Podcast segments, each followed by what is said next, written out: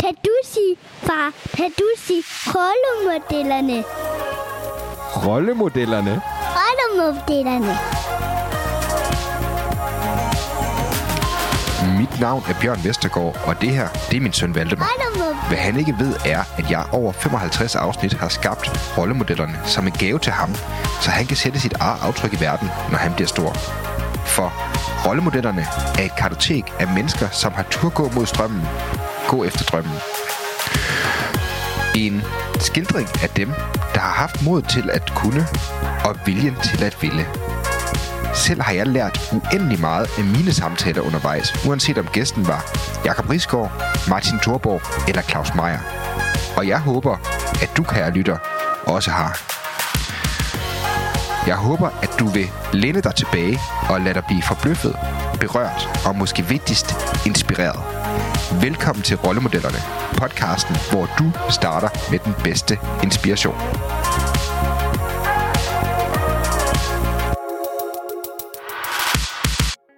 Ja, det er Bjørn her. Hej med dig, kære lytter, og rigtig hjertelig velkommen til endnu et afsnit af Rollemodellerne. Podcasten, hvor Danmarks dygtigste og mest inspirerende mennesker deler deres vigtigste erfaringer og mest værdifulde strategier fra deres personlige rejse mod succes. Jeg håber virkelig, du fik hørt den helt igennem fantastiske sæsonpremiere med Anders Anne Madsen. Den er netop udkommet.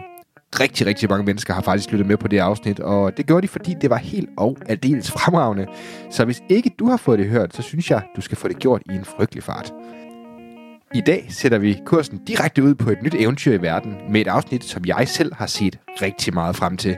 Gæsten i dag er faktisk blevet efterspurgt af flere af jer, der lytter med, så derfor er det mig en ekstra stor glæde at kunne få hende med i podcasten endelig. Gæsten er en person, som jeg personligt finder utrolig inspirerende. Hun hedder Mille Sjøgren, og hun er tidligere radiovært og nuværende voice-over-artist. Og så har hun de sidste 10 år, ja, du hørte rigtigt, 10 år, levet som digital nomade med hendes familie og rejst rundt på eventyr i hele verden. De erfaringer har Mille og hendes mand Christian delt i bogen Digitale Nomader, og så har Mille medstiftet virksomheden Free Living, som samler folk, der netop gerne vil skabe et arbejdsliv, som foregår remote. Det er blevet en rigtig god snak om at tage et stort spring ud i det ukendte, og både eventyret og fordelene ved at bo i en rygsæk med hele sin familie, men i den grad også om, hvilke ofre det faktisk kræver at leves og trives med sådan et liv. Og øh, så er afsnittet selvfølgelig proppet med praktiske råd, inspiration og værktøjer, hvis du sidder og drømmer om at arbejde lidt mere remote og komme ud og rejse i verden. Lige en hurtig bøn til dig, kære lytter, inden vi hopper i gang med afsnittet, fordi øh, som du måske ved, så er rollemodellerne jo mit Con Amor-projekt, og øh, det er kun mig, der driver den. Så hvis du kan lide det her øh, podcast, og hvis det er sådan, at øh, du lytter med og synes, det er fedt, så vil jeg virkelig være uendelig taknemmelig, hvis du vil efterlade en anmeldelse i iTunes, eller endnu bedre dele det med dine venner eller på sociale medier til dem, du tænker, det kunne være relevant for. Så får flere mennesker glæde af det her gode indhold, der er i podcasten, og så gør du bare faktisk også en stor tjeneste med at støtte rollemodellerne. Hvis du vil gøre det, så siger jeg i hvert fald tusind tak. Det var ordene, så lad os springe i gang med interviewet. Velkommen til afsnit nummer 58 af Rollemodellerne. Gæsten i dag, det er Mille Sjøgren fra Free Living. Rigtig god fornøjelse med podcasten, og tak fordi du lytter med. Mille, jeg er super glad for at se dig. Bjørn, jeg er super glad for at måtte komme. Og sikkert indløb, vi har haft, hva'? ja, vi har allerede grinet en del. Vi har grinet en del. Ja. Vi har ikke kunne finde hinanden. Nej. Og vi sidder alligevel i Kongens København. Det er ikke engang fordi, at øh, vi sidder på et, et kald et eller andet sted fra i verden. Det er fuldstændig rigtigt, og jeg vil også lige have lov til at pointere på en meget smuk dag. Ikke? Altså solen skinner, og vi har alligevel valgt at sætte os ind her i et ja. meget mørkt studie. Ja. Det kan også noget. Ja, det kan. Et- et- et eller andet kan det. Et, et engagement, vil jeg sige, eller noget. Så I har bare, lytter, kære lytter, du har, du har bare at nyde det her. Ja, lige præcis. Milla og jeg, vi har svedt for det. Det er jo næsten, øh, man skulle tro, det var OL, ikke? Ja, det er ret sindssygt. Så nej, så det er, som jeg også sagde til dig, inden vi sådan gik på, så har det jo i hvert fald også handlet for mig om, at, øh, at når man nu skal interviewe en sej digital nomade som dig, så øh, er det jo lidt sjovere at se dig i virkeligheden. Men det gør det også en lille smule besværligt, at øh, du rejser, har rejst så meget, som du har, ikke? Det er rigtigt, ja. Så, men nu er du i København, og nu er jeg i København, og Yes. så kan vi jo snakke øh, en god, øh, en god snak om det forhåbentlig.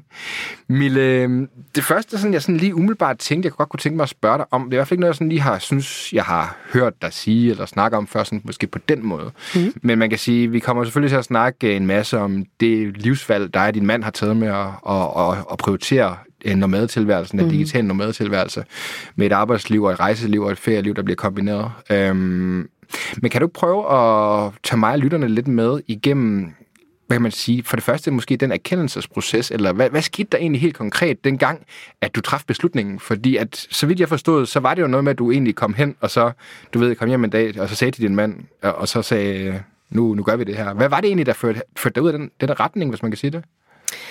Altså, man kan sige, det er jo altid fedt det der, hvis man kan sige, det var lige præcis der på trappestenen på Østerbro i maj måned 2012, at erkendelsen kom. Mm. Og det kan jeg faktisk, for det var lige præcis det, der skete på en trappesten på Østerbro i 2012. Men, men man kan sige, inden da har der jo været nogle ting, der har lidt op til, at vi var nået til den erkendelse, at vi, vi skulle flytte ud af Danmark og leve på en anden måde. Og jeg vil sige, en af de ting, der havde gjort det, det var jo først og fremmest, at jeg i 2008 blev fyret fra The Voice, hvor jeg arbejdede som radiovært, havde været rigtig længe, og var startet min egen, øh, min egen virksomhed efterfølgende og min mand Christian, som læste på universitetet på det tidspunkt, øh, læste til øh, biolog dernede øh, på RUK, kom hjem, og efter han havde læst de her sådan, fem år, eller seks, eller hvad det nu blev til, og sagde, hov, jeg vil faktisk ikke være øh, biolog alligevel, jeg kunne godt tænke mig at være freelance journalist. Mm. Og, øh, og der kan jeg huske, at jeg sagde til ham, øh, okay, nå, okay, fedt nok, altså... Øh, så nu er du gået dernede på RUG i fem år og kigget på unge damer, og jeg har gået her og født børn og startet virksomhed, og så nu skal du til at være freelance journalist. Jeg troede, du skulle til at tjene nogle penge for helvede, ikke? øh, men i virkeligheden, så gjorde han jo os begge to en kæmpe tjeneste den dag, han kom hjem, øh, fordi han faktisk satte os begge to frie. Øh, det vidste jeg ikke på det tidspunkt, men det kan jeg jo se i et retroperspektiv, at det er det, han har gjort. Fordi det er altså lidt sjovere at være to på matriklen, der er freelancer, end en, der skal møde på nogle bestemte tidspunkter. Øh, så, øh, så skete der det, at vi øh, at han kørte sin virksomhed op øh, stille og roligt, og jeg var jo i gang. Og så øh, fik vi øh, Elva, mit, øh, mit andet barn, som lige er blevet 12 år her, så det er jo et stykke tid siden. øh, og så, ja, så jeg stod jo faktisk der med den her sådan, graviditet, øh, positiv graviditet, en fyrsædel i den anden hånd, og så øh, og ikke anede, hvad fanden jeg skulle gøre der i 2008. Ikke? Mm. Øh, men valgte jo så at blive freelancer øh, og gå den vej, og øh, har jeg jo ikke fortrudt på noget tidspunkt. Øh, jeg elskede det helt vildt, så det var en gave, jeg fik. Øh, og det er jo ikke altid, man ved det, før man får de her gaver. Ja. Øh, og så var vi ude, og vi har altid været meget sådan begejstrede for at rejse, der vi begge to gjorde. Vi har også haft børnene med på backpacking, og vi har også backpacket rigtig meget, inden vi mød, øh, både inden vi mødte hinanden og mens vi mødte hinanden. Øh, boet i udlandet har jeg også, så jeg tror, det ligger egentlig i os, øh, altså både Christian og jeg, at vi godt kan lide at leve på denne her måde. Og i virkeligheden, så tror jeg, at da alle andre fik børn og flyttede ud af byen og øh, begyndte at etablere sig øh, virks, øh, hvad, hvad hedder det, arbejdsliv og biler og alt det der, altså der er noget, vi bare aldrig rigtig til. Og det var som om, at vi, vi nåede bare ikke til det skridt der, fordi vi nok i virkeligheden ikke var os, vel? Mm. Så det vi nåede til, det var, at vi, øh, vi tog til Bali øh, og, øh, og var derude øh, for første gang, eller ikke første gang vi var der, men det var første gang, vi egentlig havde taget vores arbejde med. Fordi vi var sådan, ah, det var en måned, vi skulle afsted, og du ved, vi tog selvstændigt, og vi tog afsted i februar måned. Det er begge to en måned for os, som er rigtig øh, god, ikke? Så vi tænkte, kan vi ikke lige prøve at tage det med? Og det gjorde vi så der i 12.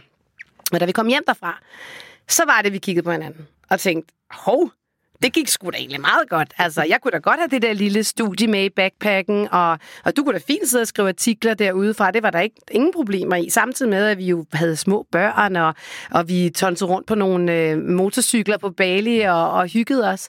Så der begyndte den sådan på en eller anden måde at, at, at, sådan at, at være i os med det der med, Gud, måske er det ligegyldigt, hvor fanden vi egentlig er henne i verden. Kunne vi egentlig sidde whatever? Og så begyndte vi at tale om det, og, og tænkte, hvad, hvor kunne vi måske tage hen, og hvor kunne vi flytte hen, og hvad kunne vi gøre, og alt det der. Og så var det at egentlig, at Christian har spurgt mig mange gange, øh, min mand, om jeg ikke ville rejse ud i verden med ham. Faktisk var det på vores allerførste date, han spurgte mig, mm. om vi skulle øh, bare tage en cykel og cykle 11 år ud i verden og få nogle børn. og på det tidspunkt var jeg sige, var jeg ikke helt klar til at sidde på en cykel i 11 år. Men vi er jo faktisk deroppe af nu, fordi nu har vi gjort det bare på en anden måde. Ikke? Ja. Øhm, og så var det den aften, hvor vi sad og kom til at drikke to flasker rødvin ude foran øh, lejligheden på Østerbro, og... Øh, og Christian kiggede på mig og sagde, Emilie, kom nu for helvede, mand. Lad os flytte til udlandet. Lad os nu bare prøve det. Og så ved jeg ikke, hvad der skete med mig, men så sagde jeg ja. Så jeg, okay, vi gør det sgu. Mm. Og så gik der tre måneder, og så øh, havde vi faktisk lejet vores lejlighed ud. Vi havde sagt til familien, hej, vi flytter til Spanien, hola, por favor, og øh, kunne ikke noget spansk, og kendte ikke til Spanien faktisk. Jeg har ikke rejst særlig meget i Spanien.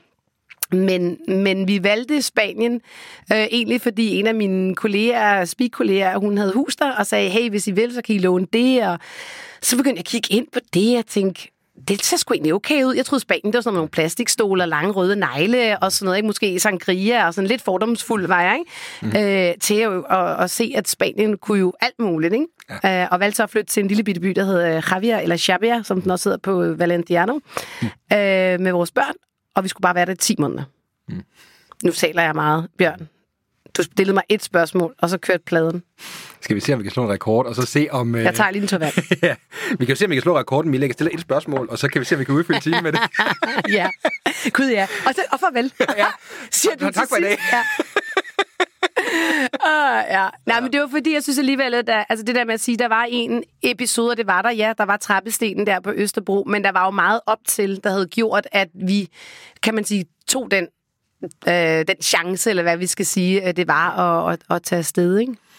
det er meget sjovt, det der med chance, ikke? Altså, fordi mm. det, det, det, har jeg tænkt mig over egentlig både i, i, i konteksten af det, mm. du siger her, mm. men faktisk også, altså jeg har jo selv lige taget springet som, som iværksætter for, for ganske nylig. Og, øh, og jeg synes altid... Tillykke. Jo, tak. og jeg synes, øh, at folk har en tendens til at fejlvurdere chancen. Kender du det? Ja. Det der med, altså man kan sige, for, for jer det der med, at det kan jeg godt sætte mig ind i, også fordi vi selv har børn. Mm. Så det der med, der er alligevel noget at så tage børn og sådan ud af skolen. Mm. Men at the end of the day, ser jeg også det der med, I har gjort. I kunne have taget 10 mm. måneder til Spanien. Mm. Og så kunne jeg sagt, nå ja, det var fedt. Nu vil vi gerne hjem igen. Eller alt det andet, ikke? Altså ja. det der med, men hvor jeg, altså, jeg forstår ikke altid, hvordan samfundet på en eller anden måde gør det, som om du ved, så tager du sådan en markant gamble. Det er, jo ikke, altså, ja. det er jo ikke det, der sker. Det er det der med, at man tager nogle afprøvede chancer. Ikke? Det var jo også det, jeg gjorde egentlig, kunne jeg forestille mig. Det der med Bali fungerede vel også som en slags testkluder at sige, kan det her lade sig gøre, ikke? Ja, Altså, det gjorde det nok. Det var slet ikke sådan, jeg så det. Vi, vi var jo bare, nå, lad os lige tage det der arbejde med, fordi at, øh, nu skal vi lige ud og holde ferie, ikke? Og så fungerede det, og så var det jo så, det satte nogle andre tanker i gang. Men jeg synes, det er super interessant, det du siger, netop med, at, at det kan meget hurtigt blive øh, for den enkelte øh, meget stort. Oh my god, mm. altså det er jo liv eller død at prøve det her af, ikke? Ja. Og, og det er det bare ikke. Det er ikke liv eller død. Og man skal også bare huske på, at, øh, at man udvikler sig igennem hele livet. Der er ikke noget, der er statisk. Man kan prøve noget af her, så det er ikke sådan, at man har mistet alt. Altså, hvis det ikke gik i Spanien, så var vi taget hjem efter 10 måneder. Vi havde lejet vores lejlighed ud. Vi kunne fortsætte med de arbejde, vi havde. Vi var jo freelancer. Øh, altså, øh, vores børn havde fået en fed oplevelse. Vi havde fået en fed oplevelse. Eller også havde vi ikke fået en fed oplevelse. Og det kan man sige, nå, og hvad så? Altså, så havde man jo lært noget af det. Jeg tror, vi skal ikke være så bange for at uh, ture og prøve ting af i livet. Altså, vi er jo, um, altså nogle gange så sidder jeg og tænker, hvor fanden kører folk derude den samme rille hver dag, uden at ture gå lidt til højre og lidt til venstre, fordi ja. det er jo også det der med, at man opdager jo faktisk ikke, hvad der er derude på den anden side, hvis man aldrig tør at stille sig derud. Altså, jeg ved sgu da ikke, at jeg kom til at elske Spanien overhovedet. Altså, det var mig, der sagde 10 måneder, det må være rigeligt. Ja. Og det handlede jo også om, at jeg var også bange. Altså, jeg var bange for at miste kunder i min virksomhed. Altså, jeg arbejder som speaker, trods alt. De ville gerne have mig. Vi snakker det, det er 12, ikke? De ville gerne have mig i studiet. Det er ikke sådan, som det er nu med at pop-up studier alle steder. Sådan var det ikke dengang. Men jeg mistede også Disney som kunde. De, de ville ikke med mig.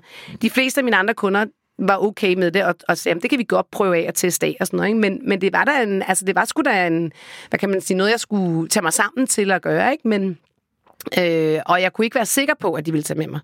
Og så var der det med børnene. Øh, vores børn var... Hun var lige blevet 3-11, da vi flyttede ned. Altså fem dage efter blev hun 3. Og Vikus var øh, lige blevet 5. Og så var der det der med min mor og far, ikke? Altså min mor, hun sagde jo direkte til mig, du stjæler mine børnebørn. Åh, oh, ikke? Au. Ja, au. Øh. Og jeg kan jo ja. godt forstå følelserne omkring det, men jeg måtte jo også komme frem til den erkendelse, at, at, at det er faktisk mine børn og det er mit liv, og jeg må gerne leve på den her måde. Det er ikke, fordi jeg ikke kan forstå, at man kan synes, det kan være svært, men, men jeg vil ikke holdes fast i noget, øh, eller lade være med at afprøve noget, fordi jeg skal øh, tage hensyn hele tiden til andre menneskers følelser. Ja. Og det viser jo også i sidste ende, at de elskede jo, at vi boede i Spanien. Jeg kom jo hele tiden for fanden. Ikke? Altså, jeg tror nærmest, de har fået et tættere forhold til os, efter vi er flyttet ud, ikke? fordi ja. at, øh, de netop kom hele tiden. Ikke? Men fanden gider ikke at, at have sol året rundt, ikke? og en stor pool og paella på, på, øh, på, på grillen. Ikke? så, altså, ja, og sangria og alt det der, ikke? Ja, øh, så det, som der jo var. men, øh, nej, men så det er bare for at sige, at altså, vi tager nogle chancer, men ofte så viser det sig jo, at de chancer egentlig på en eller anden måde bringer os et sted hen, som vi ikke kan forudse, fordi det er i processen, det er i, i kulturen, du møder, det er i udviklingen øh, med dig selv, øh, og de nye ting, som du, du bliver plantet ned i, der gør, at du på en eller anden måde får det, den erkendelse, og det mindset også, ikke? Dit nye mindset, din nye måde at være i verden på, ikke? Ja. Og, og det underkender man lidt, synes jeg. Altså, øhm, og det er faktisk noget af det, jeg synes, jeg har lært allermest, det der med, at du kan ikke forudsige tingene. Du kan ikke regne ud, hvad det vil være. Du bliver nødt til at prøve det af. Altså. Ja. Ja, egentlig på flere planer, ikke? Altså, jo. Fordi at en ting er... I forhold... En ting er den fysiske ting, ikke? Ja. ja. Men også i forhold til dig selv, ikke? Altså i forhold til, hvordan, en, hvordan man selv reagerer i de situationer, mm. ikke? Altså det er det der med... Øhm, man kan ikke forudse det. Nej du kan ikke forudse det. You gotta try it. Altså, sådan er det bare, ikke? Og jeg kan også lige sige, at vi endte jo faktisk med at bo i Spanien i fem år, ikke? hvilket var jo uh, halvdelen af min børns uh, opvækst mere for min datter i virkeligheden. Ikke? Ja. Øh, og, og rejste jo så derfra også ud i, i måneder, og rejste rundt i Spanien selvfølgelig, men også rejste alle mulige andre steder hen i verden, øh, og backpacket. Og så var det jo så, at vi tog en beslutning på et tidspunkt, at nu tager vi den sku, nu tager et helt år rundt om jorden. Ikke? Ja. Og, øh, og det kan vi komme nærmere ind på. Men altså, det, det er jo også, fordi man tager nogle steps. Det behøver jo ikke at være, at man skal regne det hele ud på forhånd. Man tager jo øh, de her, sådan, hvad kan man sige, vi kan kalde dem mm, modighedssteps, eller altså, din modighedsmuskel bliver også udviklet, jo mere du på en eller anden måde træder uden for din egen øh, comfort zone, ikke? Ja. Øh. ja, lige præcis. Og det er, det, det er lige præcis det, der faktisk er interessant, ikke? Det der med, det er fordi, det har jeg faktisk også snakket med et par af de tidligere gæster i podcasten omkring også. Altså det, jeg har haft uh, Sofia Manning med også på et ja. tidspunkt, som jeg ved også, du har snakket ja, med. Ja, jeg kender også uh, Sofia, fra, også fra Spanien, mit netværk ja. i Spanien, ja. Jamen lige præcis, ikke? Og det der med, som jeg synes var så inspirerende omkring Sofias historie, var netop også det der med, at hun sagde, jamen, jeg gider sgu, altså, vi, vi gider ikke det der, du ved, øh, hente, bringe fodbold og alt det der, og så tog de bare den der drastiske beslutning om at leve et liv, hvor de både var noget i Danmark mm. og noget i Spanien, mm. ikke? Og i sidste ende, så er det jo også det der med, de fleste glemmer, at man har jo egentlig på en eller anden måde et relativt blank canvas, man kan, man kan male på, når man mm. har et liv. Altså, så Tim Ferriss, han snakker om livsstilsdesign, mm. øh, og det, jeg synes, det er en god terminologi, fordi at man, mange mennesker har en eller anden form for tese om, at, de, øh, at, at tingene skal gøres på en bestemt måde. Mm. Man må ikke bryde konformen og det der. Mm. Og det er jo der, hvor jeg synes, det er så befriende, det du siger faktisk, mm. Mille. Fordi netop det der med, at, altså, at store beslutninger behøver ikke at være så store. Mm. De kan faktisk være ret små. Mm. Og så kan den store beslutning, eller den lille beslutning, lede til noget andet, og noget mm. meget større. Ikke? Mm. Altså, og det synes jeg, det er super inspirerende, at I har brugt jeres muligheder og jeres liv på at, at afsøge nogle andre veje, end, mm. end, end så mange andre har. Ja, og man kan sige, jeg synes, det er meget interessant, du siger det med, at man har en lidt blank canvas, øh, når man på en eller anden måde skal skabe sit liv. Ikke? Mm. Men alligevel er der jo ikke særlig mange, der faktisk udnytter det. Alli, vi, måske er det, fordi vi ikke øh, føler os, hvad kan man sige, inspireret af andre. Måske er man i en, i en, i en, en familie med nogle venner, som alle sammen gør det samme, og, og der er måske ikke så mange, der stikker ud, eller hvad det kan være. Så vi bliver ikke inspireret til, at Gud, kan overhovedet være på en anden måde? Måske når vi slet ikke at tænke over det, før man går ned med stress, eller det hele er noget lort, eller man bliver skilt, eller hvad det nu kan være. Ikke? Mm. Af ting, hvor man stopper op i livet og siger, hov, øh, sådan her skulle det egentlig ikke være, vel? Ja. Og, og det er jo skide synd, og det er jo også derfor, det, derfor jeg elsker også, du laver sådan noget her som rollemodellerne, fordi at jeg tror, at det er enormt vigtigt, at vi får nogle flere perspektiver på, hvordan kan et liv se ud? Hvordan kan et arbejdsliv se ud? Altså, hvad er det for nogle, nogle ting, vi skal putte ind i? Øh, altså, det ser jo ud på en måde for dig, og på en anden måde for mig, men derfor kan vi jo godt lade os inspirere af hinanden, ikke? Og, og derfor er det også vigtigt, at de her historier faktisk bliver fortalt, tror jeg. Ja. Så det der canvaslaget kan blive, du ved, malet og prøvet af, og hvad fanden ved jeg, ikke? Altså, ja. Øhm, og det er, jeg synes faktisk, det er ret interessant. Jeg synes, det er lidt, næsten lidt uhyggeligt om, hvor meget vi, vi går i, sådan, i vores forældres fodspor stadig, og du ved, flytter tilbage til en by, man er vokset op i, og putter ens unger på den samme skole, som man selv gik på, og ja, sgu da er voldsomt uopfindsom. Altså, hvis du spørger mig, ja. helt ærligt, altså. Det er der sgu da ikke meget stimuli i, eller, eller nytænkning i, eller diversitet i, for den sags skyld, ikke? Nej. Ja, det er du fuldstændig ret i. Og det er netop det der med, at det er jo der, hvor at det er faktisk jo en af de største ting, som internettet har gjort. Ikke? Det er jo netop mm. det der med, at det har givet os de her, øh, man kan sige, podcastmedier, som vi begge to elsker. Det er noget, der har mm. givet os øh, muligheden for at sidde og lytte på, på folk som os, der snakker, som måske ikke nødvendigvis er nogen, du havde mødt i din baghave eller nede i den lokale brus. Øh, men lige så høj grad også det der med, altså det er en af de ting, som jeg også i hvert fald har brugt meget i mit eget liv, det er det der med, mange folk har en eller anden formodning om, at det der at have en mentor, det betyder, at du kan sætte dig ned ved siden af en rutineret person og sidde og tømme deres hjerner, de kan svare på alle de spørgsmål og så videre. Du ved, og for mig er det bare en forkert måde at forstå den, det begreb på, fordi netop det der med, at, at nogle af de de mennesker, der har haft den største indflydelse på mit liv, det er nogle mennesker, som jeg bare har lidt tilfældigt er stødt på, øh, mm. for eksempel på nettet. Mm. Og så har de bare delt så ekstremt meget af deres tankegods, at det er bare svært ikke på en eller anden måde at blive inspireret af det. Og det er jo også en mentor. Lige så vel som det er en mentor, du har en, øh, en du kan sidde ved siden af og stille nogle spørgsmål. Helt klart. Og der tror jeg virkelig, det er vigtigt, det der med, at man netop tør og så bryde de rammer der. Altså det der med, at man tør søge det også. Altså så igen også, kan man sige, det er jo super inspirerende det, at I har i jeres familie gjort som digitale nomader, men samtidig er det jo heller ikke fordi, at vores lyttere nødvendigvis behøver sig så sidde og sige, jamen nu leger lejligheden ud, og nu flytter vi bare, og du ved, bum, og nu, øh, nu, nu lever vi de næste ja. syv år i Spanien. Men det kan lige så vel være en, en lille del et, mm. et lille delelement, en lille bid af vores samtale. Det kan være, at de bare siger, nu prøver vi sgu en måned, eller mm. et eller andet. Ikke? Det kan lige så meget være det, der kan være takeaway, uden at man mm. skal gå ud efter at være digital nomad, mm. men i lige så høj grad bare for at prøve noget andet, end det, man altid har gjort. Ikke? Mm, det er helt enig med dig Altså, det er, og to be honest, det er skide hårdt at være digital nomad, så ja, det er helt ærligt. Faktisk vil jeg sige, de fleste, det kan godt være, at man har en en romantisk øh, drøm om det, når man sidder og scroller folks Instagram-feed igennem og tænker, ej, så lækkert ud, de der, og de, ej, lækkert, ej, det vil vi også. Men i bund og grund, så vil jeg bare sige til dig, det vil du ikke. Fordi du, hvis du kun vil det, du ser på billederne, så kan jeg bare fortælle dig, at det ikke er sådan, det er.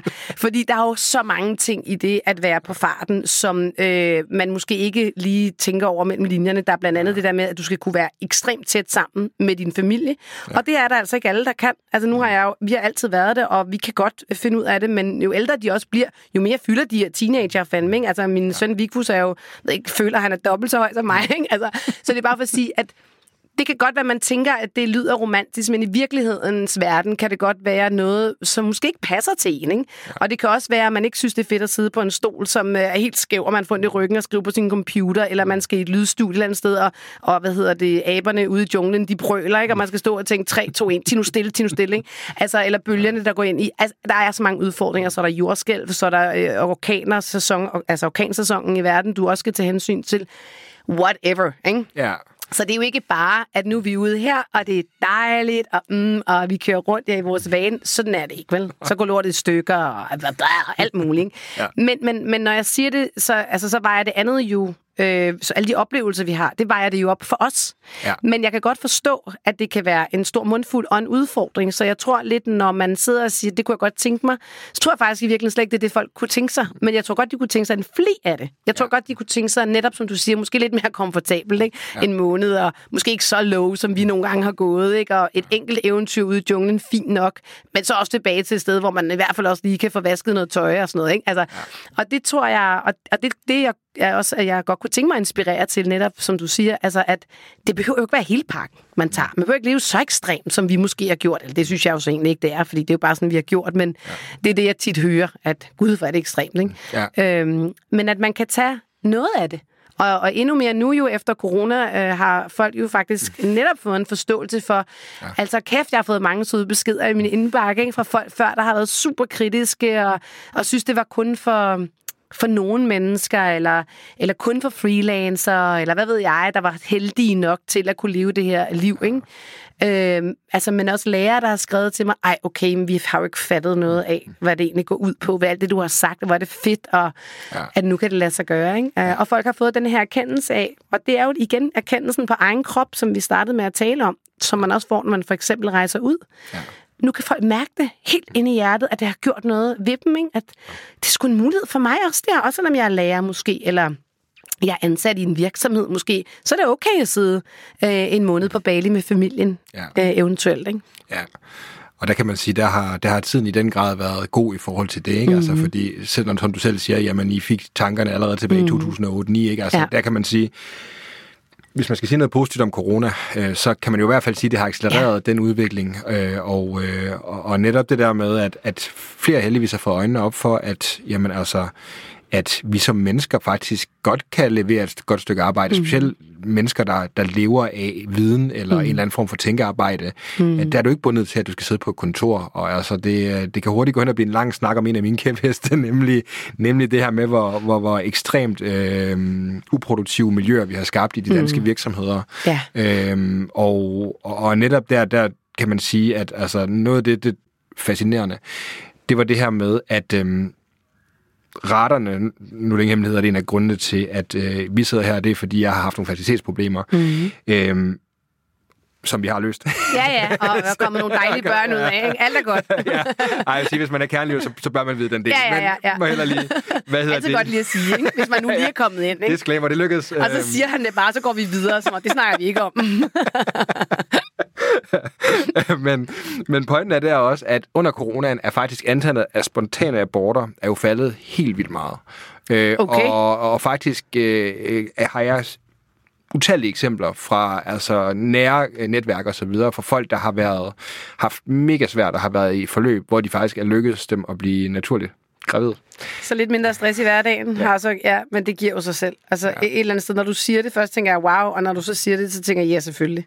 Men prøv lige, prøv lige at overveje, Mille, at vi har lavet Ja, et altså samfund. et samfund, Ja. hvor der, der, der er så dårligt for os, mm. altså, altså fysisk og mentalt, mm. ikke?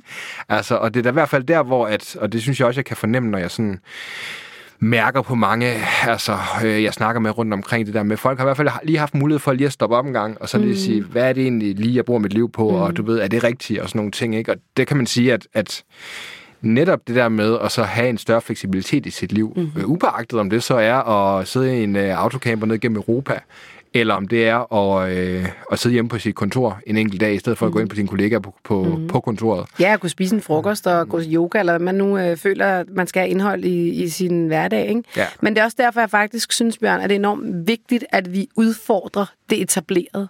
Mm. At, vi, at vi som mennesker går ind og siger, at det kan godt være, at det er sådan her øh, corporate ser ud, eller det kan godt være, altså nu har jeg jo aldrig selv været i corporate, men det er der jo mange, der er, øh, og bliver syge af det. Altså jeg kender der så mange mennesker, der er blevet syge af at gå på arbejde.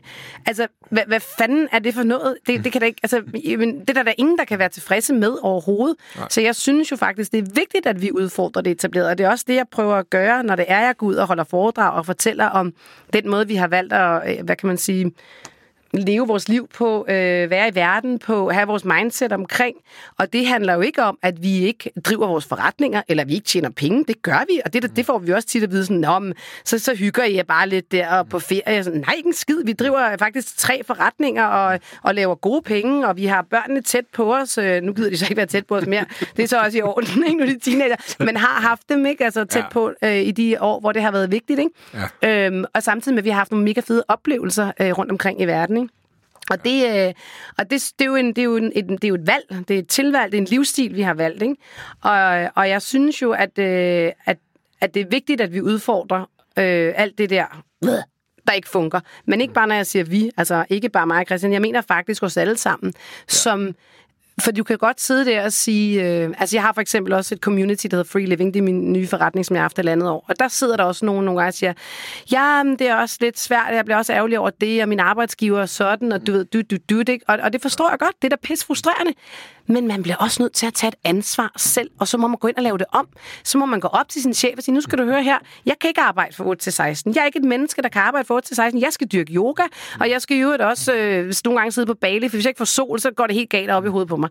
Ja. Og det skal, det skal man ture at gøre. Og ved hvad, man vil faktisk få en, øh, måske en, en OK tilbagemelding. Det er ikke sikkert, at man kan sidde der en måned, men så kan det være, at man kan sidde et andet sted en måned. Ikke? Ja. Det er bare for at give et eksempel, at man er også nødt til nogle gange at sige, hey, kære arbejdsgiver, øh, det kan godt være, at du har indrettet det sådan her, men det passer sgu ikke ind i mit liv. Ja. Og det synes jeg faktisk, vi har et ansvar for. Øh, Så det er ikke kun er arbejdsgiveren, der har et ansvar for at skabe rammerne, fordi de ved måske ikke, hvad folk vil have. Mm. Basically, vel? De ja. gør måske bare det, de har gjort altid, ikke? Ja. Ja, man er også nødt til at råbe op, jo. Ja, altså, det er man. Og det er, det, der, det er netop det der med, og jeg synes, det er... Jeg kan ikke huske, jeg læste det fra et, et menneske, der var noget klogere end mig selv, som jeg ikke kan huske, hvem var. Nej, det var så klogt, at ikke huske det. ja, det var så klogt, jeg kan huske det. Men, øh, men netop det der med, at den måde, som erhvervslivet jo også fungerer på, og, og, og som er enormt vigtigt, vi som mennesker også bare er bevidste omkring, det er jo, jamen hvis du er ansat i en stilling, og du går hen og dør, så, øh, så går der en måned højst, så har altså, er din stilling genopslået jo, mm-hmm. af et arbejdsplads, og det er jo forfærdeligt tragedie for det enkelte menneske. Men pointen er jo stadigvæk, at vi er også bare nødt til at så skabe nogle rammer i vores eget liv, mm-hmm. og vide, at altså, og turmærke efter, jamen gør vi egentlig det rigtige? Øh, hvad, er det egentlig, der, hvad er det egentlig, der gør mig glad? Og hvad er det egentlig, jeg har brug for at gøre, som, som du netop også nævner der, ikke? Ja, så tænker jeg også en, en ting, som altså i forhold til det der med, med livet og, og arbejde, og, og man kan sige, for nogen er arbejde jo bare noget, de gør, fordi de gerne vil tjene nogle penge, så de kan leve, og for andre er det en passion, og øh, men i virkeligheden, så tillægger vi jo, i hvert fald i det danske samfund, arbejde en meget stor værdi. i form af, hvem vi, hvem vi er som mennesker.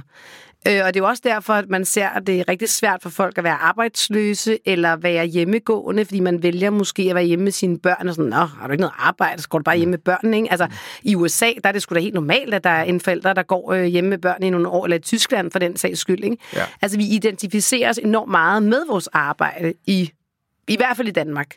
Og det kan jeg egentlig godt synes er lidt ærgerligt. Fordi prøv lige at tænke på, hvis man også dyrkede nogle af sine andre sider, øh, som man for helvede også må have i livet. Fordi hvis man ja. kun har sit arbejde, så er man da lidt sørgelig, to be honest. Men du ja. kender det godt, Bjørn. Så sidder ja. man i et eller andet selskab, og så sidder de, hvad laver du så?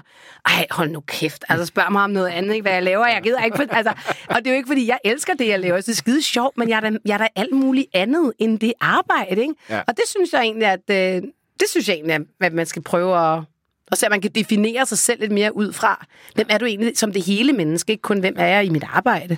Ja, det er lige præcis, at, at man egentlig definerer sig selv i sig selv, ja. øh, i stedet for det ja, andet. Ikke? Og, og mine værdier, og ja hvad er fedt og hvad er ikke fedt. Og, og fordi hvis man også gør det, så tror jeg egentlig, at man vil have nemmere ved at finde et arbejde, som man faktisk trives med. Fordi hvis du har styr på dine egne værdier, og hvad du godt kan lide, og hvis du ved, du skal være i naturen, og hvis du ved, at det er vigtigt for dig at få dyrket noget yoga, eller være sammen med dine børn, jamen så skal du måske ikke sidde i et advokatkontor, hvor man går hjem kl. 10 om aftenen hver dag. Vel? Altså det er bare for at sige, at, at det er måske meget fedt at, at vide, inden man begynder at søge et job. i, og der er jo nogle advokatkontorer, der er begyndt at lave, øh, du ved, andre øh, måder at arbejde på. Så er det måske der, man skal søge ind, hvis det Ja. Hvis man nu er meget advokat, ikke? Det var bare et eksempel. Ja, men helt sikkert, og det er netop det præcis, heldigvis også det, at, at rammerne bliver videre for det, ikke? Altså, mm. det, der var jo så mange eksempler i Tim Ferriss' bog dengang, som var helt fantastiske. Så, jeg har aldrig læst den. Nej, det er ret vildt faktisk. det, er, det, er jo, det er jo manifestet ja. i forhold til... Det, det, det hører jeg. Så, men det er, det er en fin bog, den kan jeg faktisk godt anbefale. Ja. Øh, hvad hedder det? Mille, jeg synes, øh, noget, der kunne være interessant at snakke lidt om, men det er også fordi, det er sådan noget, som, som jeg nørder lidt ned i. Det er sådan noget som, hvordan arbejder man godt? Øh, mm. Jeg tænkte på vej herind øh, i toget sådan, øh, til at snakke her med dig, kom jeg til at tænke lidt på Stephen King, øh, forfatteren. Mm-hmm. Øhm, Stephen King har skrevet øh, en ret fed bog, der hedder On Writing Well, som, hvor han fortæller om forfatterskabet. Mm-hmm. Øh, den er rigtig god. Og øh, jeg vil sådan til at tænke på en historie, han fortæller ja. i den bog, hvor at da han startede med at skrive hans øh, romaner, hvor han var nobody, øh, more or less, ikke? Øh, der var han meget, meget, meget konsekvent i forhold til det her med, at han var nødt til at have, øh, for, det, for det kreative øh, værv, det er, og så sidde og skrive øh, fiktionsbøger, øh, som han jo gør, der sad han simpelthen, øh, han beskrev det som det mest ukomfortable sted i verden, mm. bogstaveligt talt, og sådan et eller andet alt for lille vaskekælder, alt for varmt på et ja. eller andet bord, og det var jo så helt tilbage i, altså længe, længe før der var computer og alt muligt ja. andet, så han sad jo, enten sad han og skrev i hånden, eller også sad han på en typewriter, det kan jeg ikke lige huske pointen var, at han ligesom gjorde i den bog, var det der med, at han sådan sagde meget, det var meget nødvendigt, når man lavede kreative gerninger, at man var meget øh, konsekvent i forhold til, hvordan man arbejdede. Altså, du ved, ens arbejdsstation, eller du vil kalde det, hvad du vil, mm. men det der med.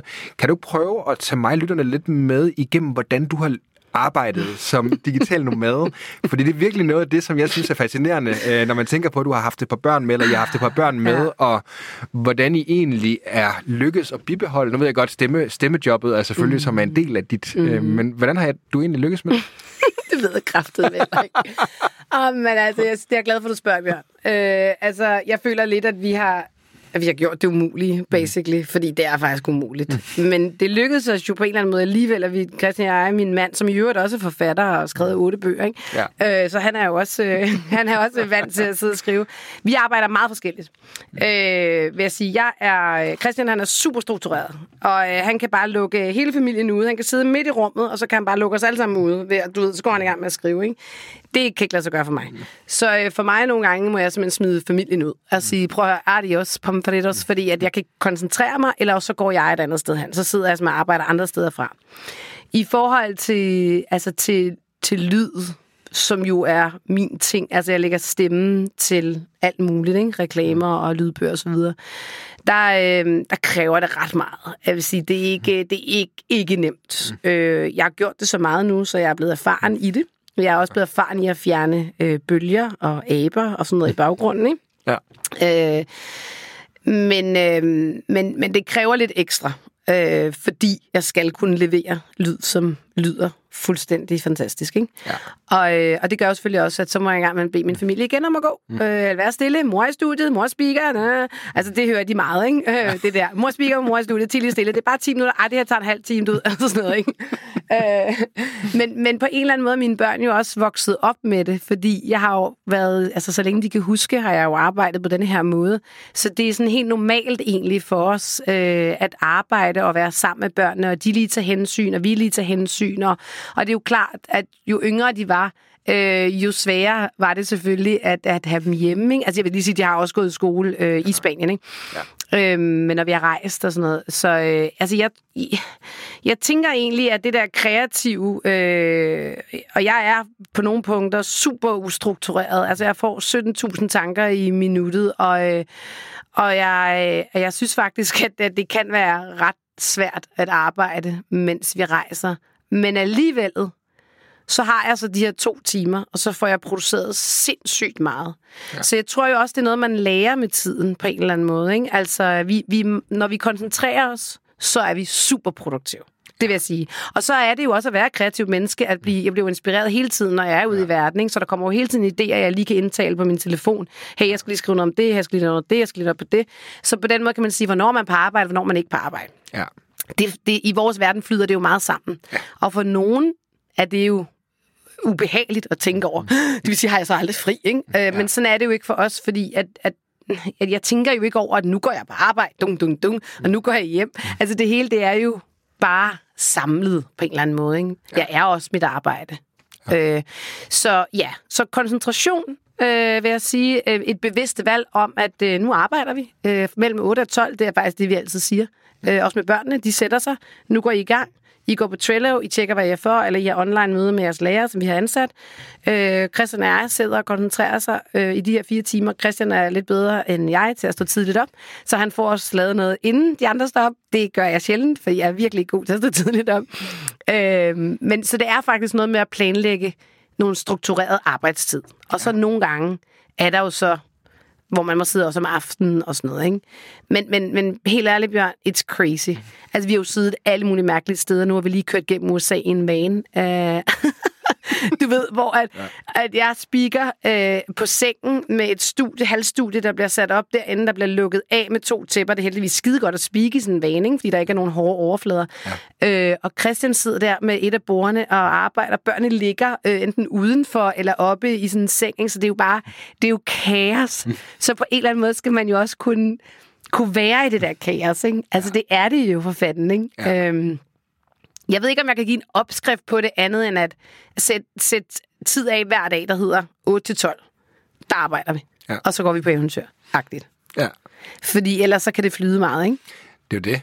det, det, det, det, det tror jeg, mange kan relatere yeah. til under corona, også selvom man yeah. bare er hjemme. Ikke? Ja, men jeg tror, at vi har jo mange kunder, Christian og jeg, og faste kunder, som forventer noget af os. Og det vil jo sige, at at der ligger jo et arbejdsflow, vi ligesom skal i gang med. Så det er jo ikke sådan, at vi skal ud og opstøve alt muligt, eller opfinde den dybe tallerken hver evig eneste dag. Vel? Altså, så så øh, man kan sige, skulle man det?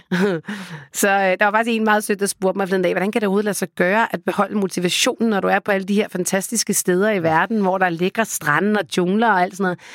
Og, øh, og det har jeg aldrig haft svært ved. Og jeg tror altså også, det er fordi, at jeg tænker, det ene gør jo det andet muligt. Jeg kunne ikke være her, hvis jeg ikke havde mit job, hvis jeg ikke havde mit firma, hvis jeg ikke kunne levere det til mine kunder, som de forventer.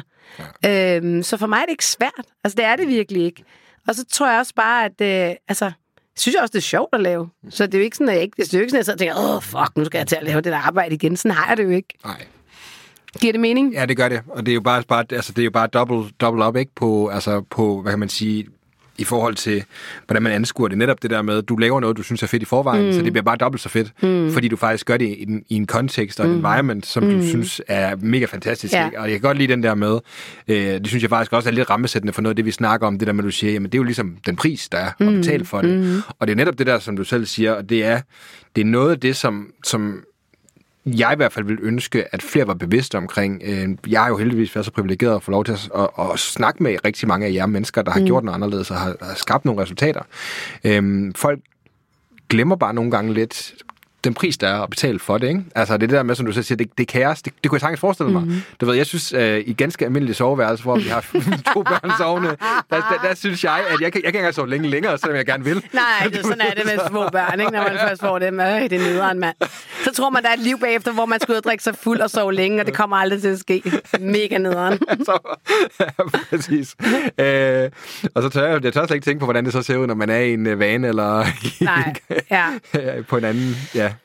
Men ja, men, men det er det også, og du skal jo kunne navigere i det, kan man sige, og det er jo også noget, altså det er jo også noget med erfaring og øvelse og alt muligt andet, og også for børnene, ikke? Øhm, kan man sige, det er jo noget, vi har trænet dem i og lært dem, øh, at trænet lyder så mærkeligt, som at være trænet, men det har de jo på en eller anden måde bare blevet trænet i, fordi det er det, vi har gjort, ikke? Ja. Øhm, og så skal man også huske på, at, at det, der er på den, på den anden side, det er jo de her vilde, fantastiske oplevelser, vi får hele tiden, ikke? Altså, så går man måske ind i Everglades, og lige pludselig er du går du mellem øh, krokodiller og du ved, og står og møder en eller anden øh, sassy med en smør i munden, ikke, som, som vil lære dine børn at fiske.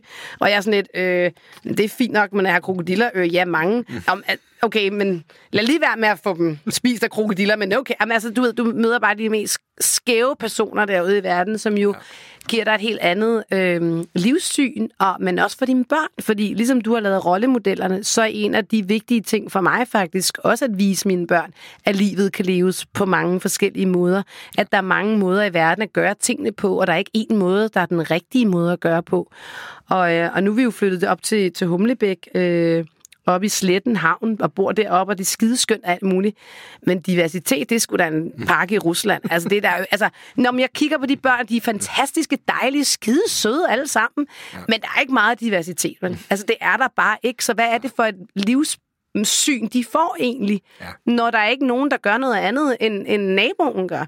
Og, det, og det kan jeg da godt nogle gange synes er lidt trist. Altså, fordi jeg synes, det er vigtigt, at, og om noget synes jeg, det er vigtigt i dag, at, at vi lærer vores børn at bygge bro mellem kulturer.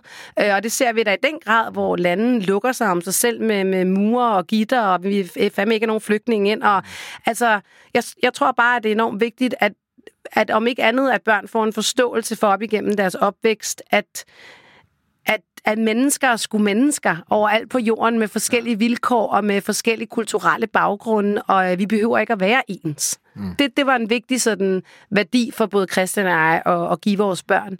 Og en anden vigtig værdi er også, at øh, du kommer ikke til at sidde og se øh, os sidde hjemme i sofaen og, og helt kedelig, øh, i et eller andet kedeligt job med noget, vi er utilfredse i, og sige til vores børn, du kan hvad du vil. Mm. Du kan tro på dig selv, du kan hvad du vil. Og så overhovedet ikke vise dem, øh, at man kan, hvad man vil. Ja. Altså, jeg synes, det er synd, at mange forældre øh, er i, øh, i noget, de egentlig ikke brænder for, eller er glade for, eller, eller ligefrem bliver syge af, som vi taler om. Ja. Og hvordan fanden, hvordan fanden skal deres børn så sige, jeg kan, hvad jeg vil? Ja. Altså, det, det kan de jo ikke få lov at se, vel? Når mor sidder og scroller igennem Instagram-profilerne helt misundelig på alle dem, som gør noget af det, hun måske selv vil, ikke? Ja. Og, og det er ikke fordi, det er ikke for at være nedladende eller at sige noget dårligt om forældre, det er bare for, at man... Øh, måske husker sig selv på en gang imellem, at det, man giver videre til sine børn, er sgu også det, man selv øh, på en eller anden måde udviser, ikke? Ja. Ja, men det er... Og jeg er ikke perfekt. Altså, jeg skal nok fuck mine børn op. Det, det vil jeg bare lige sige. De skal nok, at vi har lagt penge til side til psykolog. Ikke? Bare lige for at sige, at uh, I know. Ikke? Men, men jeg har i det mindste taget et bevidst valg om det. man, man kan altid finde ud af, hvordan man fucker dem op. ja, ja. De skal nok komme og sige, hvorfor skulle vi rejse så meget? Hvad skulle vi alt det for, mor? Jeg savner ja. Anton. Ja, lige præcis. Nå, men der er jo også det, altså nu laver vi grin med det, men der er jo også mange konsekvenser af det. Ikke? Altså, nu er vi lige der afsted et halvt år, og jeg da godt kunne mærke på begge mine børn, de skulle øh, lige tilbage ind og finde deres plads i, i, i vennegruppen, kan man sige. Og de er jo faktisk forholdsvis nye, så de har ikke boet i Danmark særlig længe, så vi tog dem lige ud igen. Ikke? Ja. Og så skal de så ind igen. Og det kan jeg godt mærke, at den har været lidt hårdere denne her gang. Ja. Også fordi, at de har nået den alder, de har. Ja. Så øh, vi har også talt med dem om, at okay, vi, øh, nu får I lige ro på her, og så må vi tage nogle kortere ture, eller også så er det noget helt andet, vi skal prøve at gøre nu, ikke? Ja. Og hvad det andet er, det, det ved jeg sgu ikke. Det må vi se. Time, time will tell. Time will tell.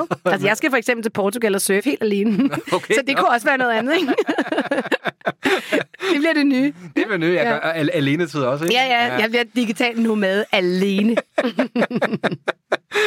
man skal også blive med at prøve grænser, ikke? Det skal man, ja. Men det er helt rigtigt, Mille, og det er, du er 100% ret i det der med netop, at, at det er sgu, øh, det er sgu jeg vil sige, deprimerende er måske et stærkt ord, men det er alligevel synd, fordi at netop mange, øh, vi vil jo gerne vores børn det bedste, mm. men ofte så er vi jo også holdt fast i vores egen komfortzone, der mm. gør, at vi måske ikke tør at være de rollemodeller, apropos yeah. den podcast, vi sidder i, for dem. Mm. Øh, fordi, vi, øh, fordi vi har det rigtig dejligt komfortabelt med at være mm. der, hvor vi er. Og det er jo bare evident, øh, at øh, jo den bedste måde at, at, at vise dine børn det på, det er ved at være den mm. selv. Ikke? Mm. Altså, du ved, det er talk is cheap. Øh, ja, det er det. Det, det, det. det tror jeg bestemt også, man kan se, at det er meget, meget sværere end som så, og så ja. sidde på sidelinjen og guide dine børn igennem det, i stedet for at prøve på en eller anden måde at inspirere dem mm. ved den måde, du også er i livet på. Ikke? Mm. Og jeg ved godt, at det er skide skræmmende, der kan også være nogen, der sidder der og tænker, hold kæft, hvor hun skrab, og hvorfor siger hun det, og det kan hun gøre bekendt, og, og, og det er måske også. Men, men, øh, men, jeg, men jeg synes bare, at altså, igen måske tilbage til det, vi snakker om. Måske skal vi ikke være så bange for at turde tage de her chancer en gang imellem, og så sige, ah, kunne sgu godt tænke mig at prøve, at det var på en lidt anden måde. Ikke? Om ikke andet, så kan jeg da vise mine børn, at jeg tør at gøre noget. Ikke? At jeg tør at tage nogle chancer i livet, og måske går det ikke. So what, altså? Og jeg tænker også tit det der med, at hvis, for eksempel, hvis man tager et eksempel med, at man havde et job, man ikke var glad for, eller et eller andet, ikke? og så sagde man op, og man ville starte selvstændig, eller hvad det nu kunne være. Og så lad os sige, at det ikke gik, eller det ikke var en, eller man kunne ikke trives i det, eller man kunne ikke få kunder, eller hvad fanden det kunne være hvad så er det værste, der kan ske? Det er så, at du måske søger et job igen, som du så sidder i. Og så er det jo, jeg tænker, hvis det er det værste, der kan ske, at du skal gå tilbage til det, du sidder i nu, jamen så kan du da ikke komme hurtigt nok i gang. Altså så er det der ja. ud over rampen og afsted, ikke? Ja. Fordi hvis ens værste scenario egentlig er nuet, hvor man er i, i virkeligheden, ja. ikke? så det giver jo ingen mening, altså. Nej. Så er det, det jo netop at komme ud. Og så er jeg godt klar, at der er nogle mellemregninger her, og, og, og hvad du jeg ikke kan få et job igen, og alt det der, så kan vi jo så være glade for, at øh, der overhovedet ikke er noget arbejdsløshed og en synligt lige nu. ja. Ej, nu vil vi se nu, hvor at, uh, alle testpoderne, de, de, de ja. lukker, ikke? Nå, ja, det er rigtigt nok, ja. Så kan det selvfølgelig godt være, der bliver lidt kø der, ikke? Men så mangler vi jo både nogle håndværkere og ensynligt også noget personale til, øh, til hoteller og restaurationsbranchen og så videre, ikke? Så, så der er i hvert fald job at få. Det skulle man mene, ikke? Der er altid, det, den, den vej igennem er der altid job at få. Ja. Hvad, øh, Mille, når vi snakker sådan øh, det her med at så leve og, og arbejde sted, nu vi snakker lidt om rammerne, som mm. har mhm. været svingende, kan man sige. Er der nogle ting, du har fundet, fundet ud af har fungeret øh, godt for jer, altså sådan værktøjer eller sådan struktur? Nu ved jeg godt, vi snakker lidt om det, måske ikke var det, der var din spidskompetence, men... Øh, Jamen, jeg er blevet bedre. Ja. Øh, altså, hvad tænker du sådan, når du tænker du sådan apps og sådan noget, eller er vi ude helt nede i sådan noget? Øh... Jeg, tænker, jeg tænker egentlig alt, alt, alt, der har gjort jeres digitale liv mm. nemmere, hvis man kan sige mm, det, eller digitale ja. liv, hvis det giver mening. Ja, men det er der jo nok, skal jeg bare tænke mig om, ikke? Det er jo ikke vant til. øh, altså, man kan sige, hvad har gjort livet nemmere for os? Øh, altså, først og fremmest, så har det gjort det nemmere for os, at vi har tur at tage de her valg. Altså helt ærligt. Og kigge på hinanden, Christian og jeg, sige, det kan godt være, at vi ikke ved altid, hvor vi skal hen, men øh, vi tør godt at bevæge os derud. Øh, og specielt jo også her, hvor vi har rejst under corona, ikke? Altså ja. har jo været lidt af et sats i virkeligheden, ikke? Ja. Ikke så meget for os, fordi at jeg tænkte, verden er nu engang, som verden er, og for os er det jo naturligt, men for mange andre har det været utrolig... Øh, alle mulige gloser på, som jeg ikke behøver at komme ind på her. Ja. Øhm, og, øhm, men altså i forhold til sådan, hvad har gjort hverdagen nemmere? Så er det noget med, jamen det er igen struktur rigtig meget, tror jeg egentlig. Og jeg er jo privilegeret på den måde, at min mand er rigtig god til struktur. Ikke? og jeg er rigtig god til alt muligt andet. Men det er ikke at få bestilt de rigtige flybilletter på den rigtige tid. Og det er heller ikke at få bestilt Airbnb-lejligheder til rigtig dato. Og sådan noget. Det er typisk mig bare, du ved, få bestilt i øst og vest. Og så, nå, det var ikke den dato, vi kom. Og sådan noget, ikke? Og så bliver han lidt sur på mig, og han synes, irriterende. Men som jeg altid siger til ham, der er, altså, der er ikke noget tidspunkt, hvor vi ikke har noget sted at bo. Så slap dog af. Vi skal jo nok finde frem til det, ikke? og, og ellers så handler det vel rigtig meget om, at øhm, altså at bruge de her forskellige apps, som vi bruger, når vi kommunikerer med vores kunder. Øh, har du hørt om e-mail? Nej. What? Er det noget ja. Nej, men du ved, altså, vi, vi bruger det samme, som alle andre bruger, ikke? Altså, jeg har brugt, altid brugt Skype sindssygt meget, og nu har jeg begyndt at bruge Zoom. Det er egentlig slet ikke lige så godt som Skype, hvis man er speaker, for eksempel. Det er meget bedre. Altså, bruger noget, der Source Connect og alt muligt, så jeg kan connecte med, med verden, øh, når jeg skal lave lyd. Og, øh, og i for børnenes vedkommende, så handler det også rigtig meget om Teams selvfølgelig, og Trello-appen øh, bruger de, hvor de tjekker ind i. Og så har vi de her strukturer med, selvfølgelig har vi World Clock, vi bruger, fordi hvordan er, hvordan er det egentlig, når vi er i USA den her uge, og næste uge er vi Costa Rica, hvad er tidsforskellen? Og det skal man lige huske på, ikke? Der kan ja. godt være noget der, ikke? ja. øh, fordi så har man lavet aftaler og møder, og så lige pludselig sidder man i en helt anden tidszone. Og i øvrigt i USA, der kørte vi ind og ud af tidszonerne hele tiden, fordi ja, vi kørte omkring man... Alabama og Georgia og hele det der, ikke? Ja. ja. Øhm, så det, det bruger vi. Altså, vi bruger mange apps til egentlig at gøre, øh, hvad kan man sige, livet nemmere for os, ikke? Og Airbnb er faktisk det, vi bruger allermest, selvom jeg egentlig ikke vil anbefale fordi jeg synes, det er blevet styrt. Og, mm. ja. altså, det, men altså, det er jo bare, når man er en hel familie, mm. og vi skal have et sted at arbejde fra, så er det bare de bedste muligheder ja. at, øh, at bruge det. Og så en gang imellem har vi brugt det der booking også, ikke? .com. Mm. Øh, jeg, jeg sidder og tænker, at der er noget, jeg glemmer. Og så så er der selvfølgelig internet. Nå ja, den store ting. Ja. Altså, der plejer vi jo, jamen, der plejer vi egentlig bare at købe et SIM-kort og knalde i telefonerne, når vi lander et nyt sted. Og det har fungeret fint, men altså, uden at lave reklame for tre, så har Three Like Home jo, uh, Three Like Home, rigtig mange steder. Jeg er ikke sponsoreret af dem. Mm. Uh, og dem har vi egentlig også kunnet bruge rigtig meget. Um, mm, en anden ting, der også har gjort det nemmere for os, det er også, at vi har mm, venner rundt omkring i hele verden øh, efterhånden. Øh, det, det betyder, det kommer, når man rejser rundt. ja, og også har boet øh, et internationalt miljø, ikke? og det betyder ja. så også, at vi har mulighed for at besøge dem, og at børnene ligesom får et break, og har nogle venner selv, de kan hænge ud med, fordi man kan sige, at en af udfordringerne er også, at der er jo ikke så mange, der rejser som os. Mm. Øh, og det vil sige, at det er faktisk svært at møde nogen, og specielt under corona, endnu sværere, ikke? Ja. Øh, som lige er der, hvor man, man, man selv er. Ikke? Øhm, men vi gjorde faktisk det på vores første World Tour, at der findes rigtig mange sådan, Facebook-grupper. Uh, World Traveling uh, Families hedder de, og så hedder det Tulum, eller, eller whatever, San Diego, eller et eller andet. Ikke? Og der kan du så hook op med, med folk og, ja. og mødes med dem. Og det gjorde vi også nogle gange. Øhm, men det gider mine børn jo ikke nu, vel? De er bare sådan, nej, øh, hold da op, lad dem færre. Pinligt. Ja, altså, ja. så det er jo sådan... Men, men, det, men det har været ret fedt, det der med at kunne mødes med, med venner, ikke? Ja. Egentlig, fordi det kan jo også godt blive sådan en... Ja, det kan godt blive meget tid sammen som familie, egentlig. Ja. Men ja, så apps og, og, og det og internet er lige hvad sådan kan komme i tanke om på stående fod, og der er helt sikkert noget, jeg har glemt. Det der, det der er altid, Mille. Ja. Det, så, sådan er, sådan Men er det tænker jo. du noget, altså tænker du noget andet end... Nej, altså, men jeg, synes, det, jeg synes, det er meget fedt at høre nogle konkrete, sådan, hvad er det egentlig for nogle ting, der er med til at få jeres liv ja.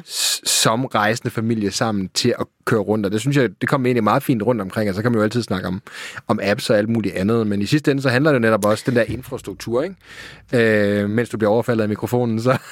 Lidt uprofessionelt, en, der altid arbejder med lyd. Men jeg kommer lige i tanke om noget, fordi, ja. at, øh, og det er faktisk øh, noget, og som jeg rigtig mange spørger os om, det er, hvordan finder I egentlig alle de der steder, I er ude? Og vi er jo også tit ude steder, som man ikke lige kan google sig til. Ja. Og der vil jeg bare sige, at øh, det er som en researcher, vi researcher rigtig meget. Og når jeg siger vi, så er det lidt tavligt, fordi min mand er jo journalist mm. og sindssygt god til at researche. Ja. Og, og han går også op i det, så det gør han. Så han kommer og siger, hey, jeg har fundet det her sådan inde i junglen i Panama, bla bla bla, med nogle indigenous people, vi skal ud og bo mm. på deres et eller andet. Nå, okay, fedt, ikke?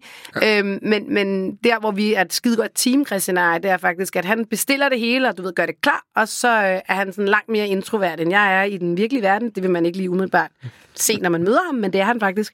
Så når vi kommer frem i stedet, så står han lidt og tripper sig over, sådan, nå, skal vi virkelig gå ind her, ikke? Mm. Og så er det bare mig, der går ind og siger, hej, kan vi få lov at komme ind her? Og du ved, og, og en eller anden dag komme ind til nogle andre, øh, jeg ved ikke, vi må ikke kalde dem, hvad kalder vi dem, indfødte øh, i Costa Rica, mm. som med øh, Bribri-indianerne, og, øh, og han havde luret, de var der omkring, og så siger han, nej, jeg går altså ikke derind, det, det kan jeg altså ikke alligevel. Så, det gør jeg, så jeg gik bare ind og sagde, hej, og kan vi, må vi ikke komme ind og se jeres uh, community og sådan noget, ikke? Så man kan sige, Christian, han, han får os uh, hele vejen rundt om jorden, uh, men jeg sørger for at tage os de sidste 10 meter, ikke? Til oplevelserne. Og det er jo på en eller anden måde en meget god sådan uh, ja. kombi af, af det, at, uh, at få de her sådan, vilde oplevelser, men det handler rigtig meget om, at man kan researche sig helt ned i kommentarsporet øh, lidt længere end, end bare lige den øverste Google-søgning. ja, Jamen, det handler også om at finde inspirationen igen. Ikke? Mm. Det er meget, meget, meget spændende, synes jeg, Mille. Øhm, et spørgsmål, som jeg også sådan tænkte en lille bitte smule over, som er sådan et, øh, et lidt klassisk spørgsmål, men som alligevel er, er noget af det, som jeg synes altid plejer at afstedkomme nogle ret gode svar. Mm. Det er det her med, altså, hvis nu, at øh, dig og Christian kunne kigge hinanden i øjnene for ja, de her mange år siden, da I træffede den her markante beslutning, og du kunne, øh, du kunne hoppe tilbage til det punkt, mm. og så give, øh, give jer en eller to gode råd i forhold til, som kunne have gjort livet, øh, som I har levet her den her tid, øh, nemmere, sjovere, mm. federe eller andet. Hvad vil, du så, mm. hvad vil du så råde Milla og Christian til, der står der? Altså, jeg vil leve det hele en gang til. Mm. Altså, seriøst, det vil jeg. Ja. Øhm, det har været det fedeste, fedeste år af mit liv.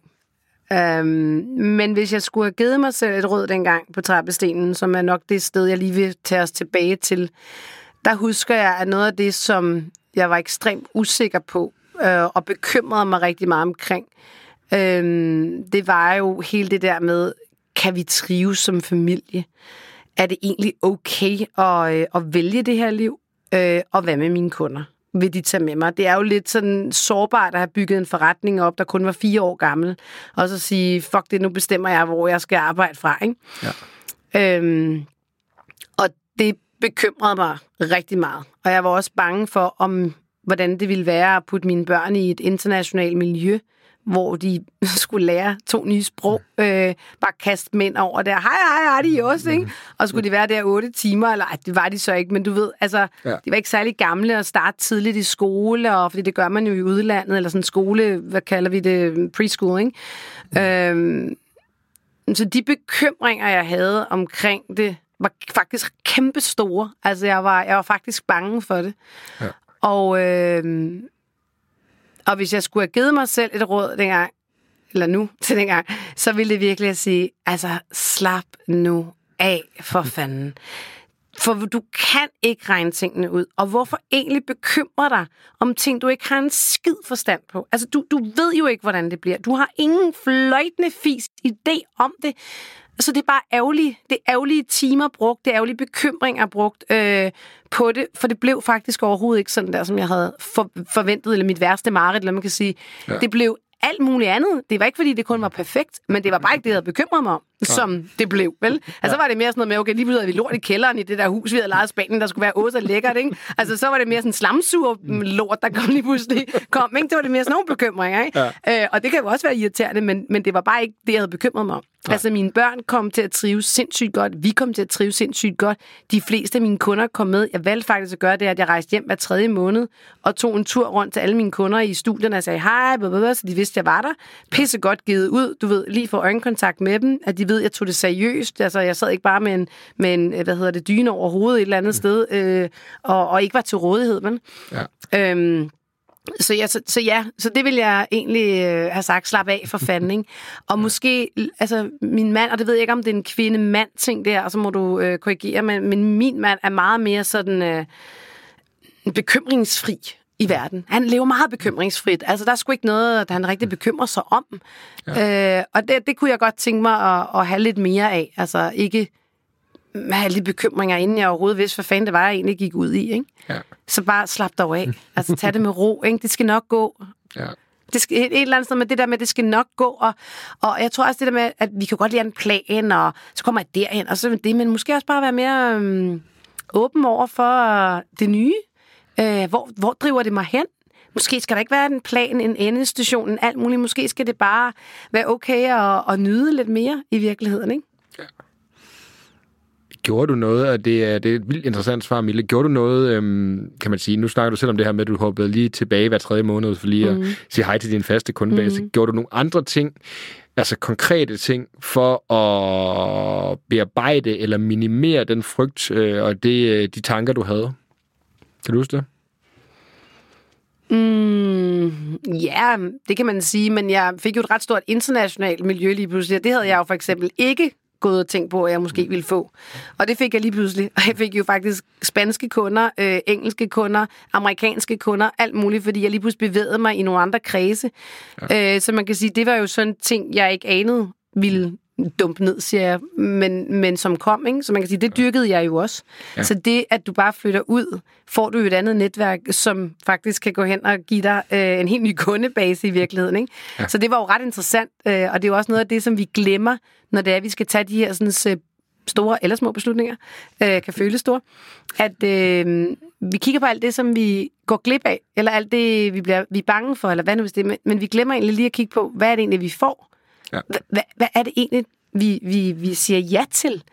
Men vi har det med at fokusere på alt det, som vi går glip af, eller som vi ikke får. Ja. Og det er jo ikke, fordi der ikke er nogen fravalg, det er der. Men måske skulle man mm, kigge lidt på de tilvalg, øh, som der også er, som, en, som en, et pejlemærke, når det er, man skal øh, vælge noget nyt. Og det er klart, at vejen til det kan være bumpet og, og alt muligt, men altså, det er jo også fantastisk, fordi du lærer jo sindssygt meget om dig selv. Ja. Og, øh, og vi mennesker er jo altid på en eller anden måde i en, i en udvikling, ikke? Øh, Ja. på vej i livet, hvor vi skal lære om os selv Ja. i verden. Og det interessante er jo faktisk også netop, øh, som du siger, ikke, at, at det der med, at, og som vi har snakket om lidt tidligere også, at jamen, de ting, der kommer, kan vi jo ikke engang forudsige. Mm. Altså det der med, de positive, altså lige så vel som vi ikke kan forudse, hvad der mm. sker af negative effekter, man pludselig står med et hus nede i Spanien, mm. fyldt med lort nede i kælderen. Ja. Øh, du ved, der kan du heller ikke forudse, at der lige pludselig øh, står øh, en kundegruppe, som du mm. ikke havde adgang til mm. før, og de kan komme fra et helt fjern sted, som man aldrig havde regnet med på mm. en eller anden måde. Så det er også bare ligesom, hvis man skal tage et eller andet med fra, fra, fra alle de gode ting, vi har, vi har snakket om her, så synes jeg da helt klart også, det er netop, at vi ved ikke særlig meget øh, om noget som helst. Det gør vi ikke. Altså, og der er det den nysgerrighed, og der er det det, Ja. at altså, det, den eneste måde, vi kan danne den erfaring, det er ved at gøre det. Ja. Og så synes jeg egentlig også, at, at det var interessant, det der med, nu siger du, hvad gjorde du egentlig? Fordi nu sidder jeg lige og reflekterer lidt over det, fordi der skete jo egentlig også det, mit, mit, øh, hvad kan man sige, mit krea- min kreativitet øh, forandrede sig i at bo i Spanien. Og det gjorde den blandt andet også, fordi jeg skulle lære et nyt sprog, som jeg overhovedet ikke kunne. Og jeg oplevede jo, at hvor kreativt det er at skulle lære sprog i den alder, jeg har. Mm. Øh, jeg har også boet i, i, i Frankrig og lært jo fransk øh, lyn fucking hurtigt. Ikke? Jeg var 20 år eller 18 år gammel, ikke? Ja. og jeg havde egentlig også forventet, at det ville jeg gøre nu. Men øh, det, det gjorde jeg så ikke. Øh, fordi jeg arbejdede jo hjemmefra, og øh, det gjorde Christian jo også. Og jeg blev nødt til at tage et aktivt valg om det. Ikke? Øh, og hele den der kreative proces, det er at lære et nyt sprog, var faktisk sindssygt interessant. Og, jeg, øh, og også det der møde med, med nye mennesker. Altså det, der faktisk har dannet mig mest, mest er ikke at rejse jorden rundt, som vi har gjort rigtig meget. Det er faktisk at bo i en kultur, som er så anderledes end vores så længe, ja. øh, som vi gjorde. Og fordi vi også integrerede os ret meget i den spanske kultur. Øhm, øh, hvad fanden ville sige? Øhm, ah, nu mistede jeg den. Jo, jo, og så skete der faktisk også det, at jeg ville starte, at jeg startede en virksomhed dernede. Ja. Øh, en ny virksomhed, der hed Workaway som øh, egentlig handlede om, at øh, man kom ned og boede øh, nogle steder og fik noget undervisning, noget yoga, alt muligt, whatever, det er lige meget. Men det, jeg lærte af det, og det er det, der er interessant, det var, at da jeg skulle launch det, og jeg havde lavet alle aftalerne med alle de her sådan, forskellige mennesker, så kiggede jeg rundt, og så tænkte jeg, det, her, det gider jeg ikke lave alene.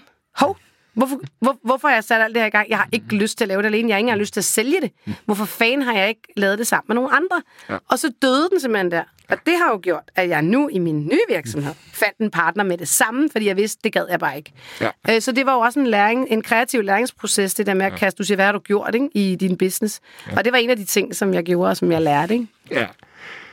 Jamen, øh, jeg, jeg, jeg har en fornemmelse af, at vi kunne sidde og egentlig bare jamme røverhistorier resten af dagen, Mille. Klar, du kan sige.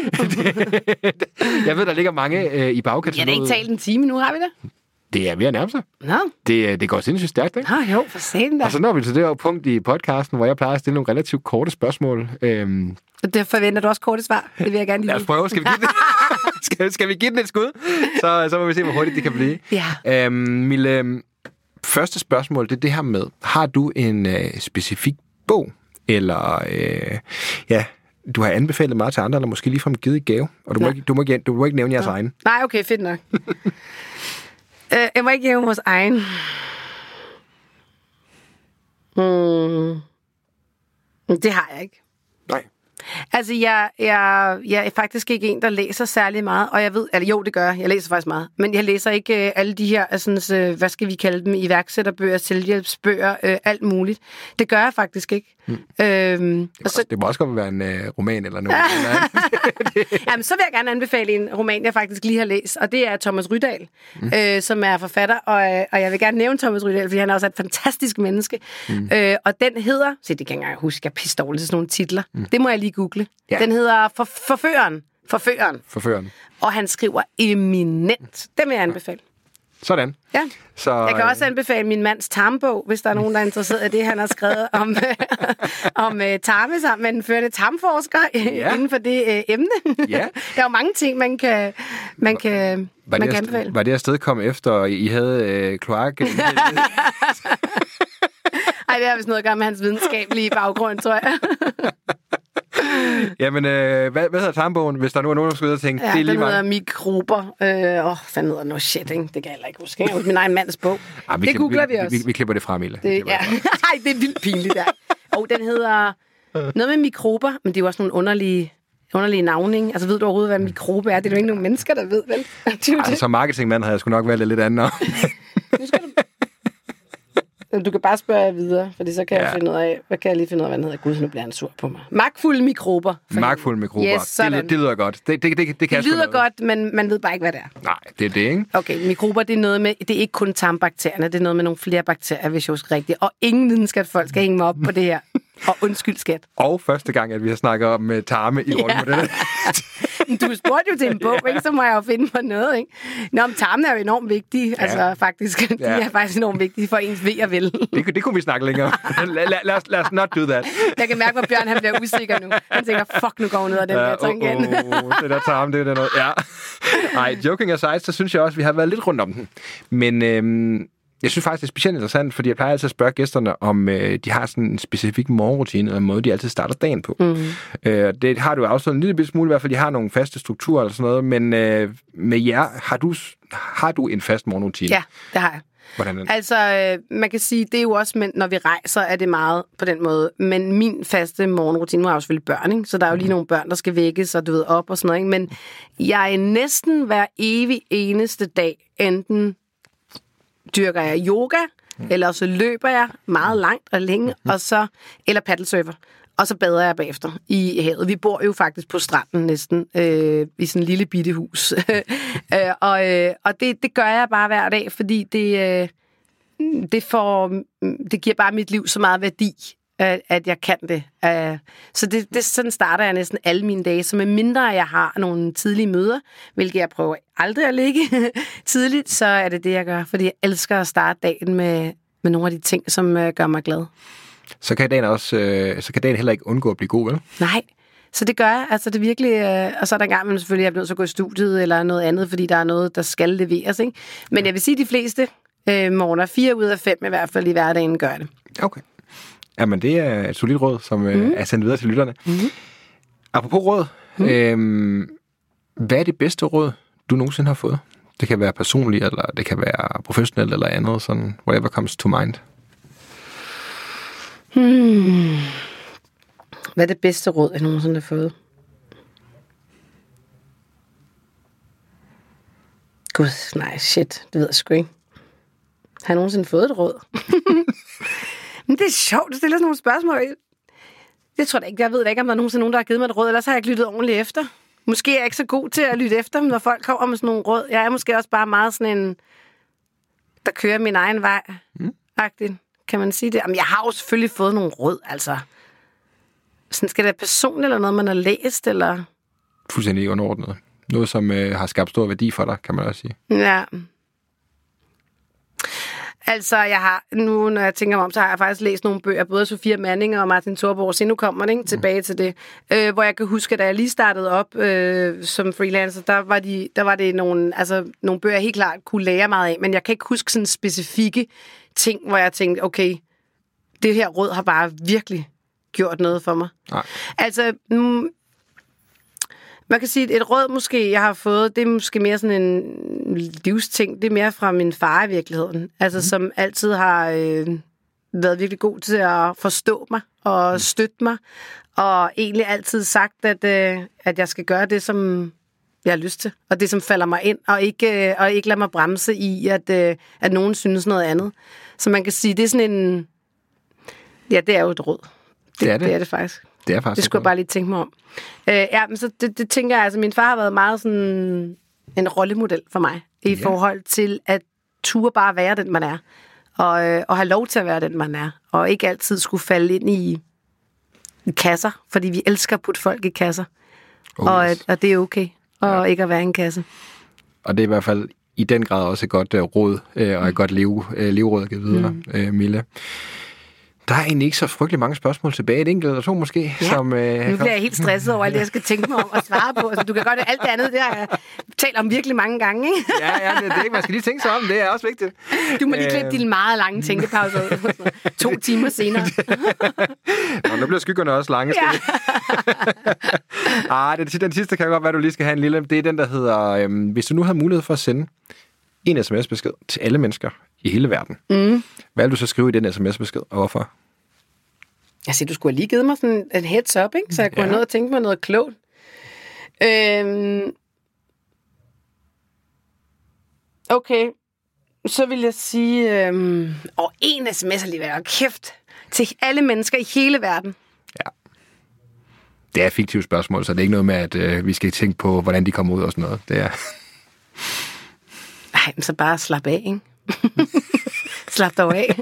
Stop dig af. Altså, nej, ja. Det tror jeg faktisk. Slap dig af.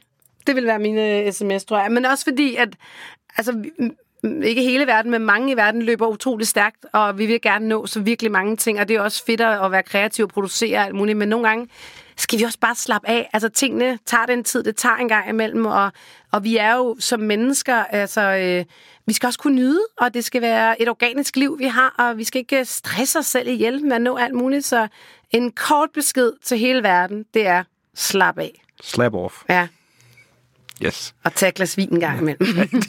Men mindre selvfølgelig, at du ikke drikker vin, og du er muslim. Eller, nej, ja, det kan jeg godt se. Den vil ikke gå god. Slet vinen, hvis det er hele verden. slap af. Ja, men slap af. Milla, det har været øh, enormt fedt. Super fedt at snakke med dig. Og der har været virkelig mange øh, guldkorn. Jeg glæder mig allerede til at genhøre den her samtale. Øhm, hvis det nu er vores øh, lytter, synes det har været lige så fedt, mm. og vil have mere med dig at gøre, mm. hvor gør de det så henne? Sociale medier eller andet? Ja, jeg tænker, der er jo mange steder, man kan connecte. Altså, jeg har en fin LinkedIn-profil. Øh, Jeg har, der hedder bare Mille Søgren. Så har jeg jo Mille øh, Mum. øh, Snab, øh, ikke snablag, Mille Mum hedder den. M-U-M. Og det er ikke fordi, at jeg er mor, men fordi, at jeg, det er mit kaldenavn. Jeg er altid blevet kaldt Mum. Mm. Øh, det er Instagram og freeliving.dk er også en Instagram. Og så er man meget velkommen faktisk i min... øh, Jeg har lige lavet en ny gruppe, der hedder Bliv freelancer og arbejde remote, som er helt mm. gratis, hvis man har lyst til det. Øh, og det er selvfølgelig, hvis du vil være freelancer, ellers så tænker jeg ikke, det er så interessant at være derinde.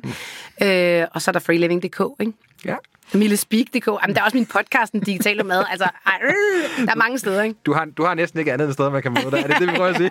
Det er sådan en, du ved, det er sådan en gadesælger, der bare åbner op, du ved, og så hænger alle de her sådan forskellige ting. Special price for you, my friend, ikke? Og du kan få både det ene og det andet, det andet, det tredje uh, shit, ikke? Men jeg vil godt lige have lov til at sige, at det, selvom at det kan lyde gadesælgeragtigt, så er der intet af det, jeg tilbyder, der er noget shit. Nej, det er ikke, du står ikke med solbriller til... jeg, tror, jeg tror, at uh, billige kopi solbriller må være vores cue til at, uh, at, at sige tak for nu. Tusind tak, fordi du vil komme, Mille. Det har været super fedt at snakke med dig. I lige måde, Bjørn. Tak fordi jeg måtte komme. Selvfølgelig.